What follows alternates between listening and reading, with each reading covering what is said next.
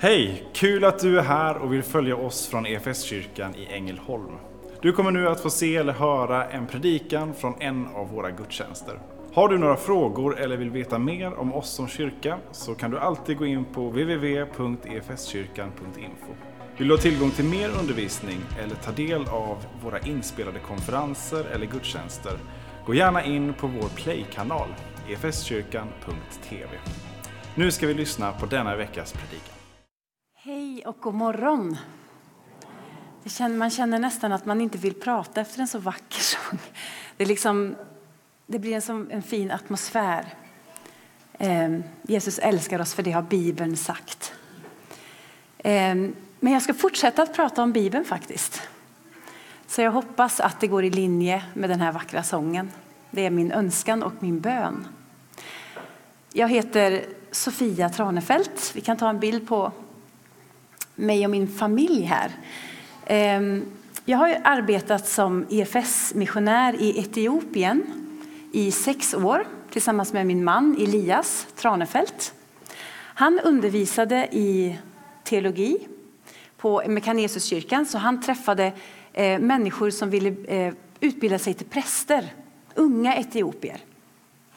Och fick stå i det och det var fantastiskt eh, glädjerikt för honom att få göra det.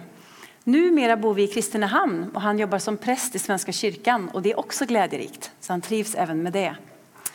Eh, själv arbetade jag med bibelöversättning och det är det jag vill tala med er om idag. Bibelöversättning och mission. Eh, och jag skulle gärna vilja att ni höll det i åtanke därför att jag tror att eh, mission och bibelöversättning har mycket med varandra att göra. Naturligtvis. Och de strategier och den, de tankar som fungerar i bibelöversättning fungerar också i mission i stort. Så den tanken skulle jag vilja att ni bar med er idag när jag talar. Ehm, jag vet inte hur mycket ni följer med, men jag vill nämna någonting kort om det. Det är, står illa till i Etiopien just nu. Det är ingen Guds frid och fred där på väldigt många ställen. Utan det är tvärt emot krig. Eh, och det är otroligt sorgligt att se dessa motsättningar bland människor som bara egentligen Jesus kan hela och eh, göra till en stor frid. Så var gärna med och be för det här. Idag anländer familjen Tornell som jobbar med mission där nere också. På olika sätt. De, de har fått evakuerats faktiskt. Än så länge är situationen lugn i Addis Abeba, men det kan ändra sig. Ehm, jag ska också säga att innan jag börjar tala här om detta att ehm, jag kommer att stanna ett tag efter gudstjänsten. Det är ju en fantastisk basar på G här som jag är sugen på tillsammans med er andra. Och haffa gärna mig om ni får frågor, om det är speciella frågor ni har. Hur, är det, hur var det med det här Sofia? Jag finns här ett tag, så Haffa gärna mig och ställ frågor i efterhand. Ehm, jag vill börja med att läsa en psalm. Och det är psalm, en del av psalm 19. Även denna är en psalm av David. Himlen förkunnar Guds härlighet. Himlavalvet vittnar om hans verk. Dag talar till dag därom och natt undervisar natt. Det är inte tal, det är inte ljud, deras röster kan inte höras. Men över hela jorden når de ut, till världens ände deras ord. Där har han rest ett tält åt solen. Den liknar en brudgum som lämnar sin kammare, en hjälte som gläds åt att löpa sin bana. Den stiger vid himlens ena ände och når i sitt kretslopp den andra. Ingenting är gömt för dess glöd. Herrens lag är utan brist, den ger liv på nytt. Herrens lära är sann, den gör den oerfarne vis. Herrens påbud är rätta, de ger hjärtat glädje. Herrens befallningar är klara, de gör blicken ljus. Herrens ord är rena, de ska alltid bestå. Herrens stadgar är sanna, De är alla rättfärdiga, mer åtråvärda än guld, än rent guld i mängd och sötare än honung, en självrunnen honung. Jag vet inte om eh, ni någon gång har varit i södra Etiopien och eh, skördat honung. Jag misstänker att ni kanske inte har varit det, men man vet aldrig. För det är många EFS som har varit i Etiopien. Jag kan avslöja att det har inte jag heller, men min familj har varit där. Och eh, då fick min man och mina barn, då, de var där tillsammans, de fick se hur det går till när man skördar honung i Etiopien. Eh, det kräver väldigt mycket förberedelser. Man måste tvinna ett rep av nässlor som man sedan använder för att klättra upp i ett träd på natten. Eh, där så har man ställt en, tidigare en, en stor eh, låda där bina har byggt sitt bo. Och eh, på ett förunderligt sätt har då den här söta honungen tillkommit. Man firar ner den, honungen först, och sen klättrar man själv ner. Jag ska se om vi har någon eh, bild på det här. Jag har till och med en liten film. Jag vet inte hur mycket ni ser, men, men eh, ni ser mannen där kanske. Han använder sitt rep.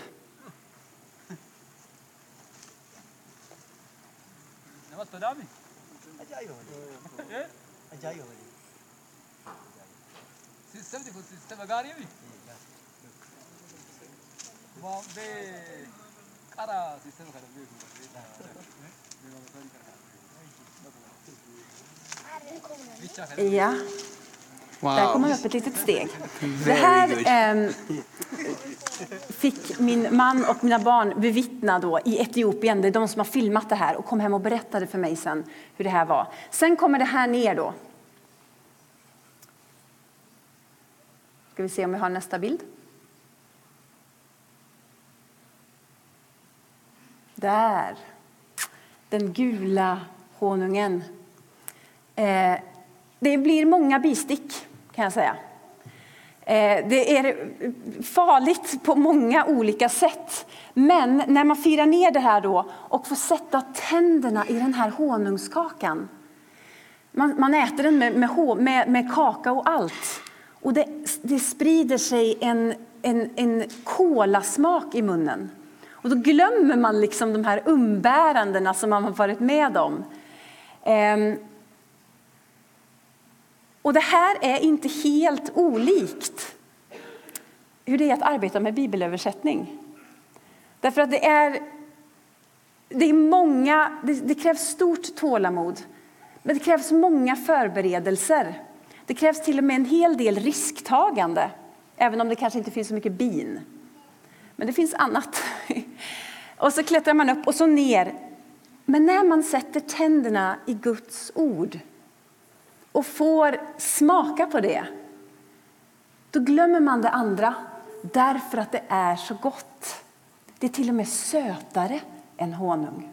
Och det öppnar oss att lovprisa honom som har skapat oss allesammans. Jag kan ta nästa bild.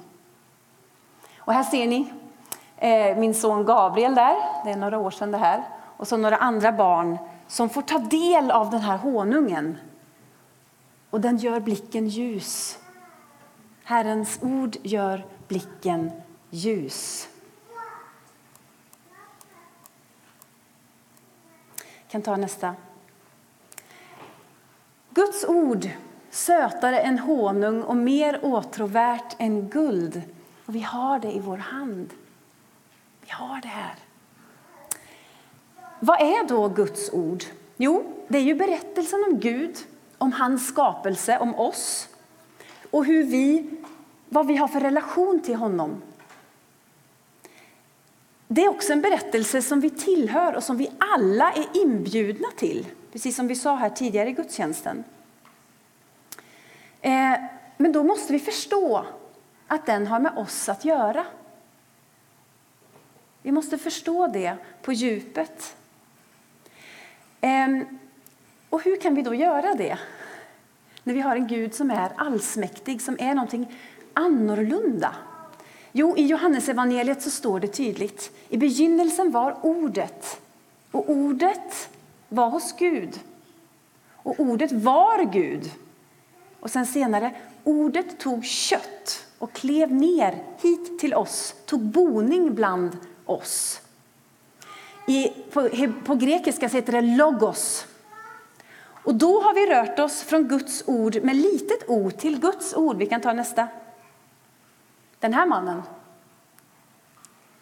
Guds ord med stort O, logos, eh, på grekiska, nämligen Herren Jesus Kristus själv. Han är, han är ordet som klev ner hit till oss så att vi ska kunna förstå någonting av vem Gud är.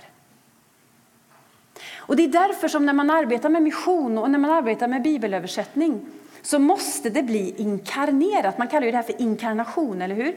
Att carne, som betyder kött då, på latin, ordet blir till ett kött. Det, blir, det får en kropp, precis som vi har en kropp. Eh, och när vi håller på med mission och bibelöversättning så behöver Kristus liksom inkarneras in ibland oss. Och vi behöver förstå att han är en av oss.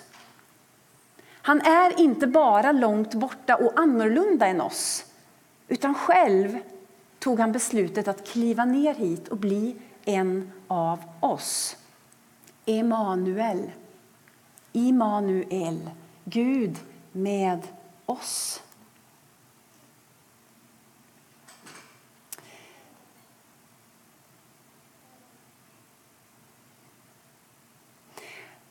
Och Det är det här som på något sätt är grundbulten i all mission.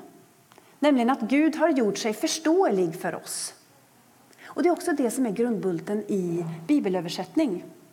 Därför att som kristna så tror vi egentligen inte att Guds sista uppenbarelsen från Gud är en bok. Eller hur?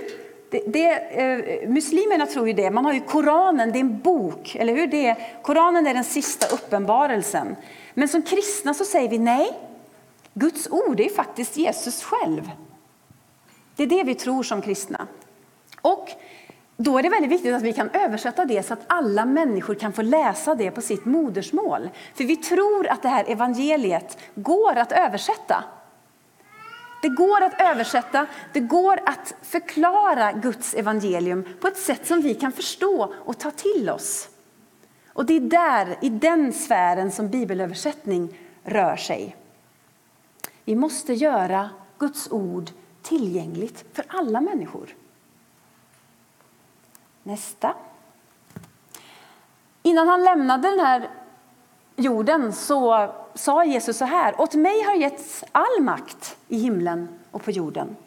Gå därför ut och gör alla folk till lärjungar och döp dem i Faderns och Sonens och den helige Andens namn och lär dem att hålla alla de bud som jag har gett er. Och jag är med er alla dagar till tidens slut. Vi är en del av Guds mission. Det är han som har inlett det här. Det är inte vi. Det här är inte vårt initiativ. Utan vi får vila i att det är Gud som har initierat det här. Det är han som har påbörjat det här och han bjuder in oss att delta. Vilket är en stor, fantastisk, ett äventyr, någonting eh, som man inte ens kan förstå att man kan få vara en del av. Men Gud arbetar så här. Det är hans sätt att vara kreativ. Vi kan ta nästa sida. Okej. Okay. Här har vi en massa bilder på Guds ord med stort O, Jesus Kristus.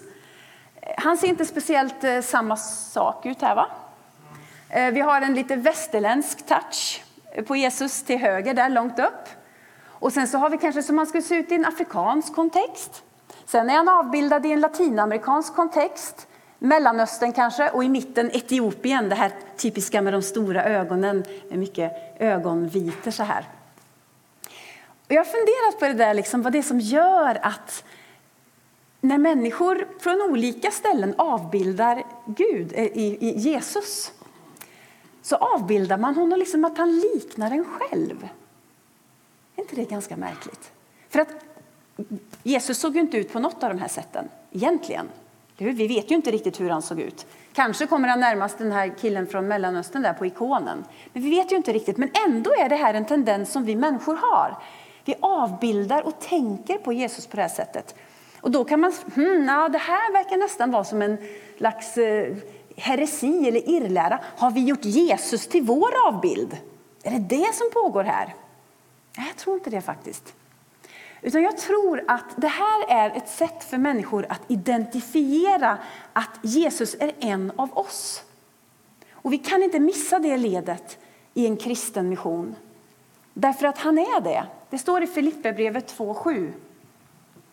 Han ägde Guds gestalt men vakade inte över sin jämlikhet med Gud utan avstod från allt, antog en tjänares gestalt då han blev som en av oss.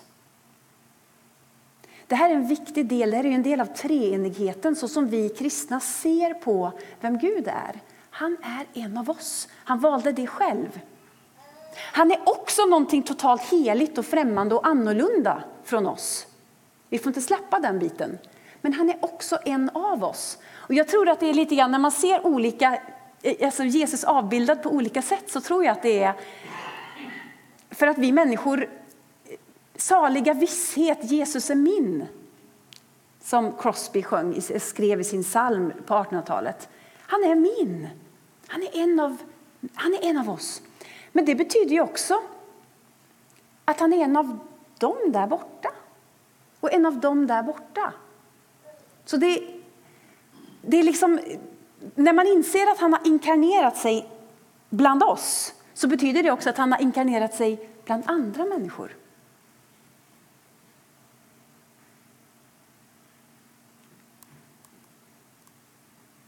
Jag kan ta nästa. Ja, det här är en, en, bild av da Vinci som jag tror att många av er har sett. Nattvarden, eller hur? Eh, Jesus sitter på skärtorsdagen bland sina lärjungar.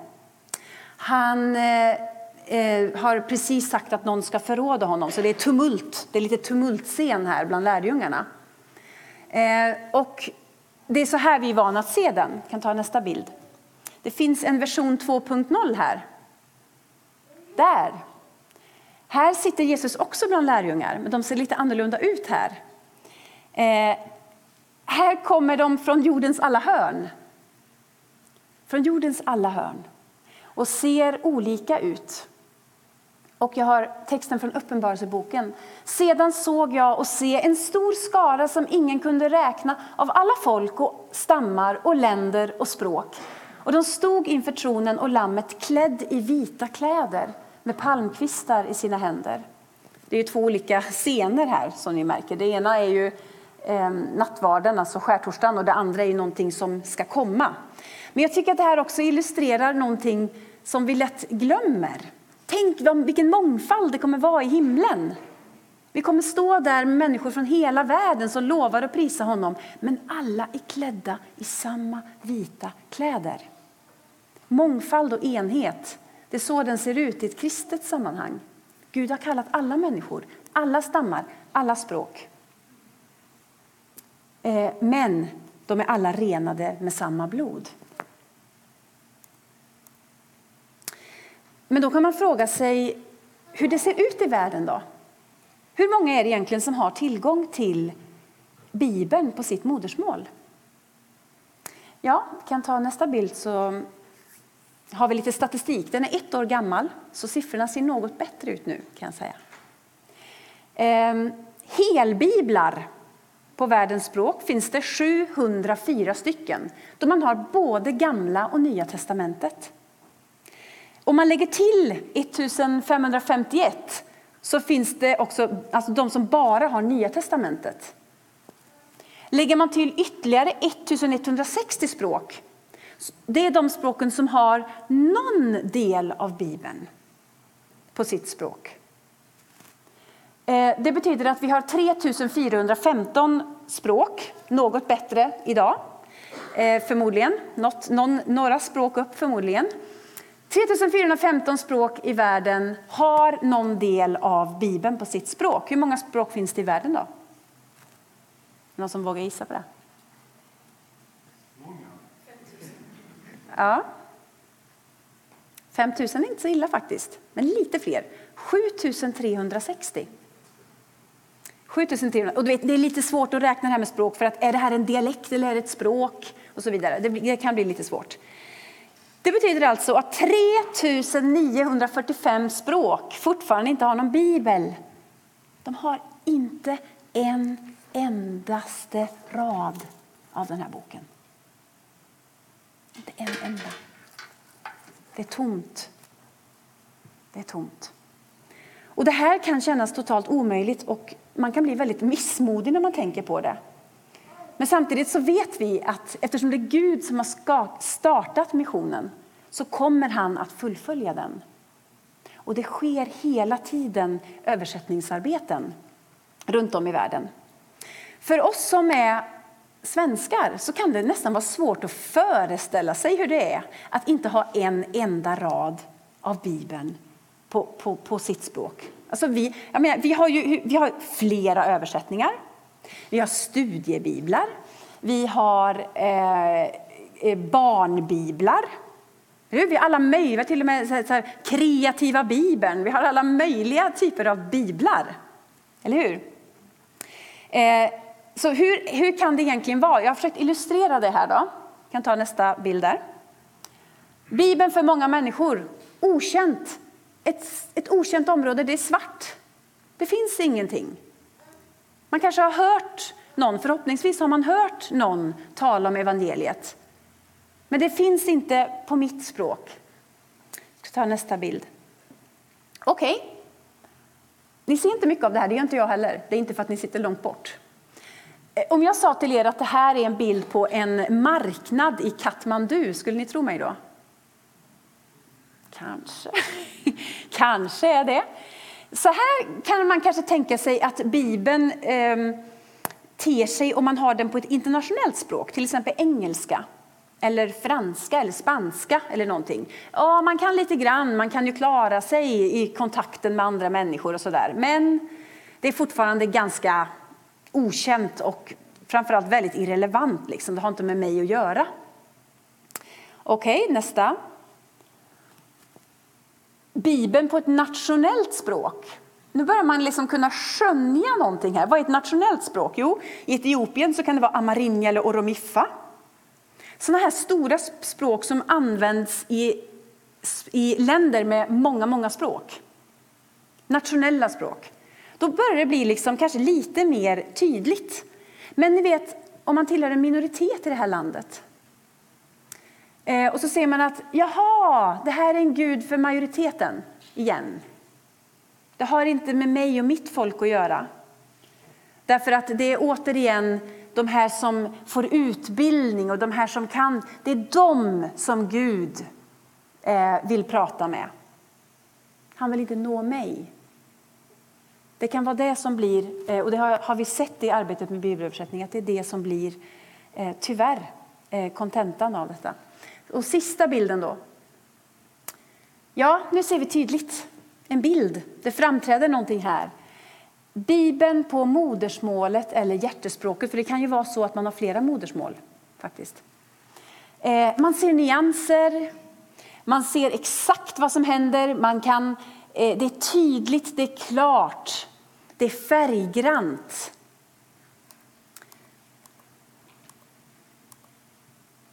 Och det är först, skulle jag säga, här som Bibeln har en möjlighet att faktiskt få genomslagskraft in i människors liv och in i samhällens liv och för att kunna förvandla oss och förvandla samhällen som ju är IFS, eh, faktiskt EFS eh, eh, motto nu, ska säga. Sam, individer och samhällen förvandlade av Jesus. Eh, vi kan ta nästa bild. Bibeln ger människor ett värde och en berättelse att delta i. Eh, ni ser mig längst bak där, den stackars vitingen som har fått det enda paraplyet som fanns för att jag inte skulle bränna upp mig i solen. Här är jag och hälsar på eh, en folkgrupp som heter Berta i västra Etiopien. Eh, de, där jobbar vi med en muntlig bibelöversättning. Det är lite märkligt kanske. Men då är det så att det är många som inte kan ta, läsa. Så då tänker man att om man kan lyssna på Bibeln Eh, så, så kan man ta till sig så kan man sprida det här via telefonerna. Så kan de få lyssna på Bibeln. Det säger inte att man inte kommer att få en skriftlig översättning till slut. Men eh, det kan vara ett bra ställe att börja på. Eh, de här är en, det är en muslimsk folkgrupp till kanske 95 procent. Men det finns en kyrka där. Eh, så det är, en, det är en muslimsk minoritet som lever i en kristen majoritet. Det här Berta-folket. Det har eh, ganska mycket svartare hy än det majoritetsfolket runt omkring. Vilket direkt gör att eh, man blir sämre behandlad. Rasism finns ju överallt. Det är ju inte bara mellan eh, vita till svarta utan även mellan svarta och svarta. Det är ju en tendens som vi människor har tyvärr. Att trycka ner människor på grund av hur de ser ut, hudfärg, kultur och andra saker. Så att ni kan ju tänka er att den kristna kyrkan i den här folkgruppen att de är ansatta från två håll. Dels så tillhör man då det här eh, minoritetsfolket som redan är utsatt på grund av, av hur de ser ut. Eh, och dels så, så är man kristen och ses kanske som en svikare. Jaha, har du gått över och blivit som den här majoritetsbefolkningen nu? Och så blir det eh, väldigt tuff miljö för dem. En gång när de var på väg till Addis Abeba för en workshop um, som vi skulle ha så blev de eh, verbalt trakasserade, sparkade på bussen på vägen dit. Så när de väl anlände till Addis, kanske 12 timmar senare, så var de inte i så bra skick. Man kan tänka sig själv hur det skulle vara att, bli, att frukta för sitt liv hela resan. Och jag och min kollega satt och vad ska vi göra? Alltså, hur ska vi börja det här? Ja, nu ska vi börja översätta. Alltså, det blir liksom, nej, det var inte det läget. Så då, då, då, tog min kollega upp och så läste hon Saltaren 139, en del av den. Ni vet, du skapade mina inälvor, du vävde mig i moderlivet. Jag tackar dig för dina mäktiga under, förunderligt är allt du gör. Du såg mig innan jag föddes.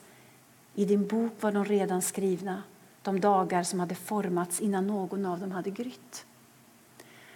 Och då kunde man se så där som man gör med Bibeln hur det här ordet fick kött och klev rakt in i de här människornas liv, precis i den situationen de befann sig i, och upprättade dem.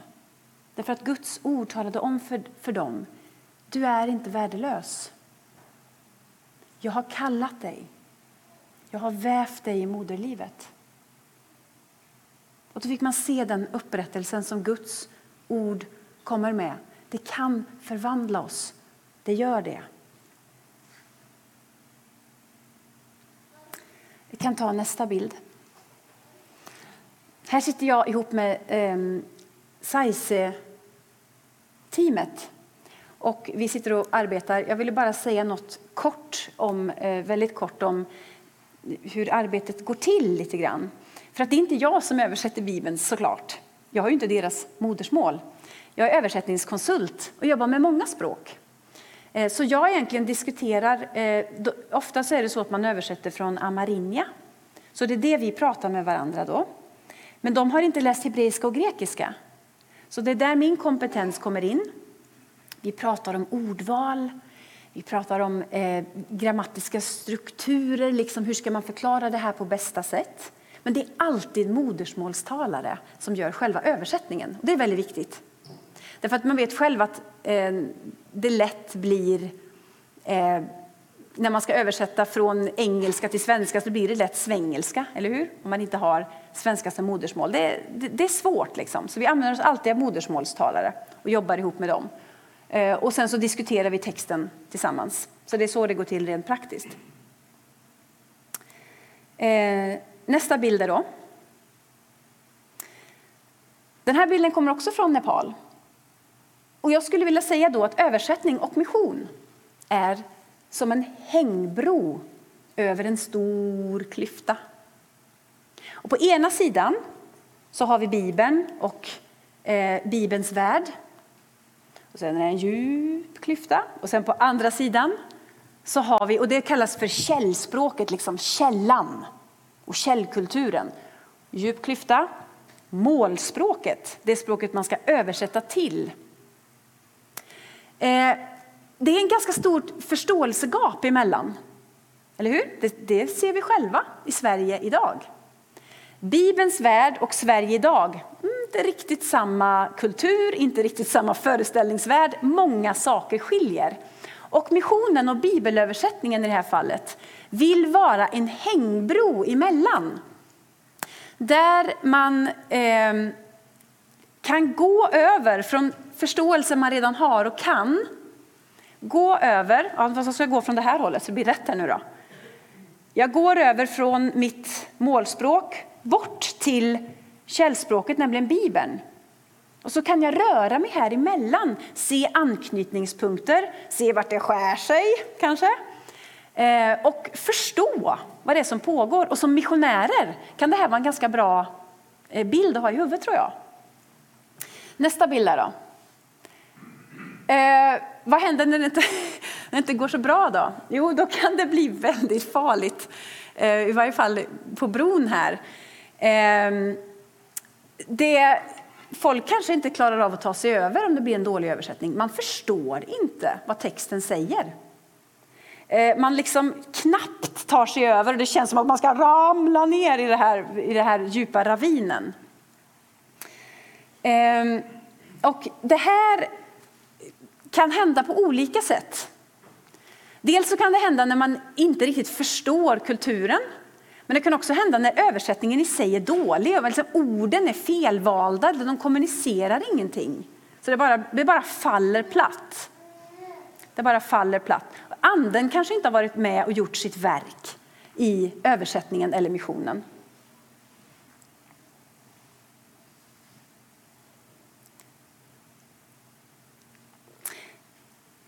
Eh, ett exempel som jag hörde från Papua Nya Guinea som jag tyckte var ganska kul när det blir på det här sättet.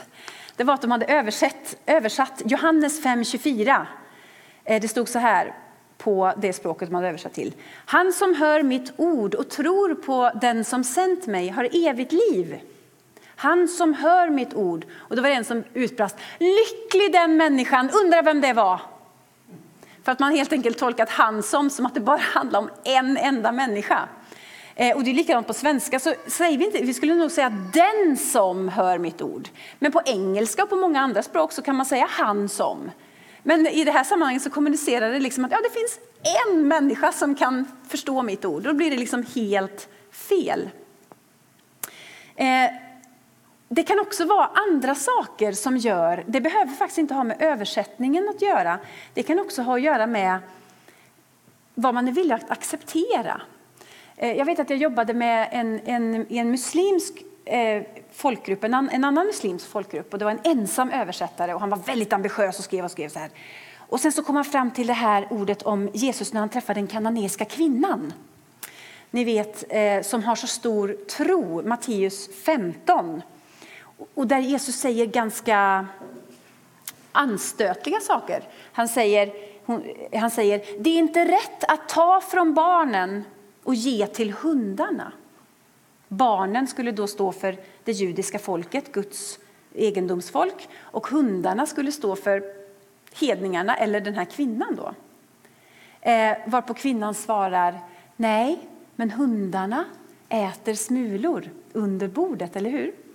Eh, och tar det som barnen tappar. Och det är ju det här som Jesus vill locka fram hos kvinnan. Han, vill locka, han, han provocerande va? Provocerar fram en väldigt stark tro. Men den här mannen då i alla fall, eh, Mohammed hette han, han sa Nej, men så här kan jag inte säga på mitt språk för att det är så här att vi kan inte prata om folk som hundar. Det är totalt oacceptabelt. Så jag tänker att jag översätter så här istället. Eh, jag har inte tid med dig just nu.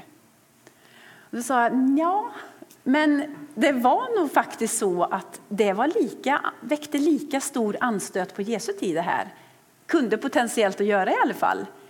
Eh, för hundar även på den tiden var ju ingenting som man liksom, oh, det var ungefär som att liknas vid ett lejon. Nej, det var ju ett ganska fult djur liksom. Så jag sa att då har vi liksom tagit udden av Jesu ord eh, och har valt att liksom, ja, vi kan väl liksom bara göra det lite mer accepterbart. Liksom. Eh, och det kan vi inte heller göra. Så att det finns olika skäl till att det kan bli så här i missionsarbete. Ja, vi kan ta nästa bild då. Det är ju, eh, språk, kultur, tid, geografi, historisk setting. Det är ju det som är den stora eh, skillnaden emellan, eller hur? Det finns eh, väldigt många delar. Eh, på e-, ett annat språk som jag har jobbat med som när Jesus säger bygg, inte, bygg huset på en berggrund och inte på sand. Vi förstår ju precis vad han menar. Vem är så dum att de bygger hus på sand? Ja, i Etiopien gör man det. Det finns inget annat att välja mellan. Oj då, vad ska, hur ska vi översätta det här nu då? Eh, bygg inte hus, alltså, för de tänker snarare tvärtom. Eh, vem är så dum att de bygger på berggrund? Det går liksom inte att komma ner med pålar eller någonting. Hallå?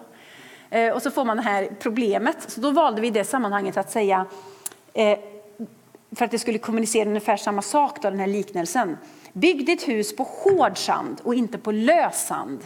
Så fick vi eh, lösa det i det sammanhanget. Ja, och, och ehm, Olika samhällen har olika problem. I Sverige har vi andra problem med bibeltexten också, och på svenska. Ehm, ja, vi kan ta nästa bild där.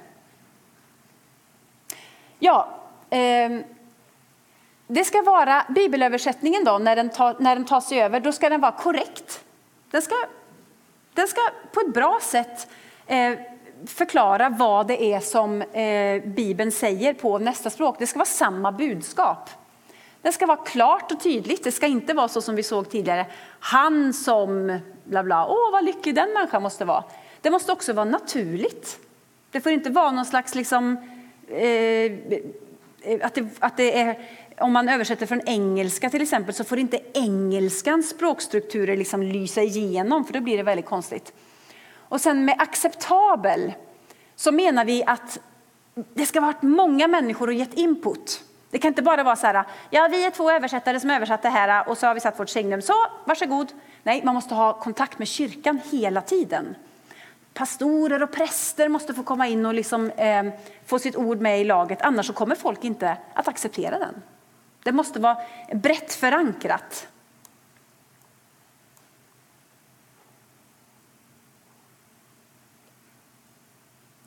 Eh, och jag tänker ofta på det här med, med acceptabel. Ni har verkat i två olika kulturer. I Etiopien, i många kulturer, så kan det vara ganska oacceptabelt att Gud är eh, en så barmhärtig som han är. Den förlorade sonen. Va? Hur kan den pappan vara så dum att han bara tar emot sonen så där? Är han svag? Eller är han lite konstig i huvudet? Eller orättvis? Medan i vår kontext så är det oftast inte en stor sak. Vi tycker att det här, åh, vilken barmhärtig far Gud är. Däremot i vår kontext så kan det vara svårt det här med att Gud är ju inte i grund och botten demokratisk. Han är allsmäktig. Han kommer en dag att vara den enda domaren som dömer hela världen. Va? Var det, ska det inte vara någon riksdag med liksom och, och bestämma hur detta ska gå till? Nej. Så att det här med vad som är accepterbart är lite olika i olika kulturer. Ehm, jag ska sluta här nu alldeles strax. Ehm, så var inte rädda att vi ska fortsätta i all Men jag skulle vilja säga ett par saker till. Ehm, om du tar nästa bild där. Hur har det sett ut här i Sverige? När man jobbar med bibelöversättning så måste man hitta de här bra orden. Man måste hitta rätt ord för saker och ting. Man kan inte, för de här jättestora grekiska och hebreiska orden som till exempel som vi använder på svenska, frälsning. Ja, hur gjorde missionärerna när de kom hit och skulle översätta Bibeln? Oh, alltså det här med soteria på grekiska, hur ska vi, liksom, hur ska vi kommunicera här med de här brutala folken här i norr, liksom, här mörkret? Oh, vad ska vi göra? Ja, men de har ju slavar med, med halsringar. Tänk om vi liksom väljer det att bli frihalsad. Det kanske, var, det kanske vi kan göra. Och det är ett typiskt exempel på hur tror jag i varje fall, hur Guds ande har lett bibelöversättare att hitta ord som kommunicerar någonting. För det kunde alla sätta sig in i. En träl som blir av med sin halskedja, blir frihalsad, blir frälst. Det är det Jesus gör för oss när han befriar oss från döden och synden. Eh, huruvida det här ordet kommunicerar mycket idag eh, lämnar jag till oss missionärer. Det, det gör det ju troligen inte. va? Eh, så där måste vi som missionärer tänka. Ja, sista bilden nu då. Så. så varför är Guds ord sötare än honung, som David eh, säger i sin psalm? Varför är det det? Här ser ni många bibliska figurer. Det är Abraham och Sara, det är Noa, det är Mose, det är Maria med Jesusbarnet, det är Paulus. Det är de här berättelserna som finns med i eh, bibelnarrativet, i bibelberättelsen i Gamla och Nya testamentet. Men det som gör Guds ord så sött, det är att det är inte slut här. Vi är med i samma berättelse som dem. Gud fortsätter att berätta med sitt skapelseord, logos, som han har Eh, gestaltat, som har fått tagit boning här. Och han inbjuder dig och dig och dig och mig och alla oss här inne att vara en del av de här. Vi är i deras sällskap. Vi är med i samma berättelse än. Och han vill fortsätta att berätta genom dig. Och han vill att du inkorporerar nya människor nya människor. För vad är det man längtar efter? Man längtar efter mening. Jag tycker jag ser det i Sverige. Det är så splittrat liksom, mellan olika saker. Det här är en berättelse som Gud berättar. Vi är inte kolonisatörer. Det är skillnad mellan att vara missionär och kolonisatör. Kolonisatörer de säger det här är min berättelse, jag ska utöka mina domäner. Det här är mitt, mina grejer, oh, nu ska jag skydda dem på olika sätt. Men det är inte det vi säger. Vi säger det här är Guds berättelse, men han vill ha med dig. Hur han vill använda dig, det vet inte jag. Det får bli mellan dig och Gud. Men han vill ha med dig, han vill ha med dig i församlingen. Det är det han säger. Och där ska jag sluta. Ehm, och så får vi fortsätta festen på Missionsbasaren lite senare. Ehm, tack för att jag fick komma hit. Som kyrka är det en glädje att få spela en liten roll av allt Gud gör i och genom ditt liv. Vi vill gärna fortsätta följa dig på den resan. Och vill du ta reda på vad ditt nästa steg kan vara på din resa med Gud så gå in på efskyrkan.info nästa steg. Vår längtan är att få se människor och samhällen förvandlade av Jesus. Genom en kyrka som återspeglar Guds hjärta bär varandra och betjänar människor varhelst vi befinner oss varje dag.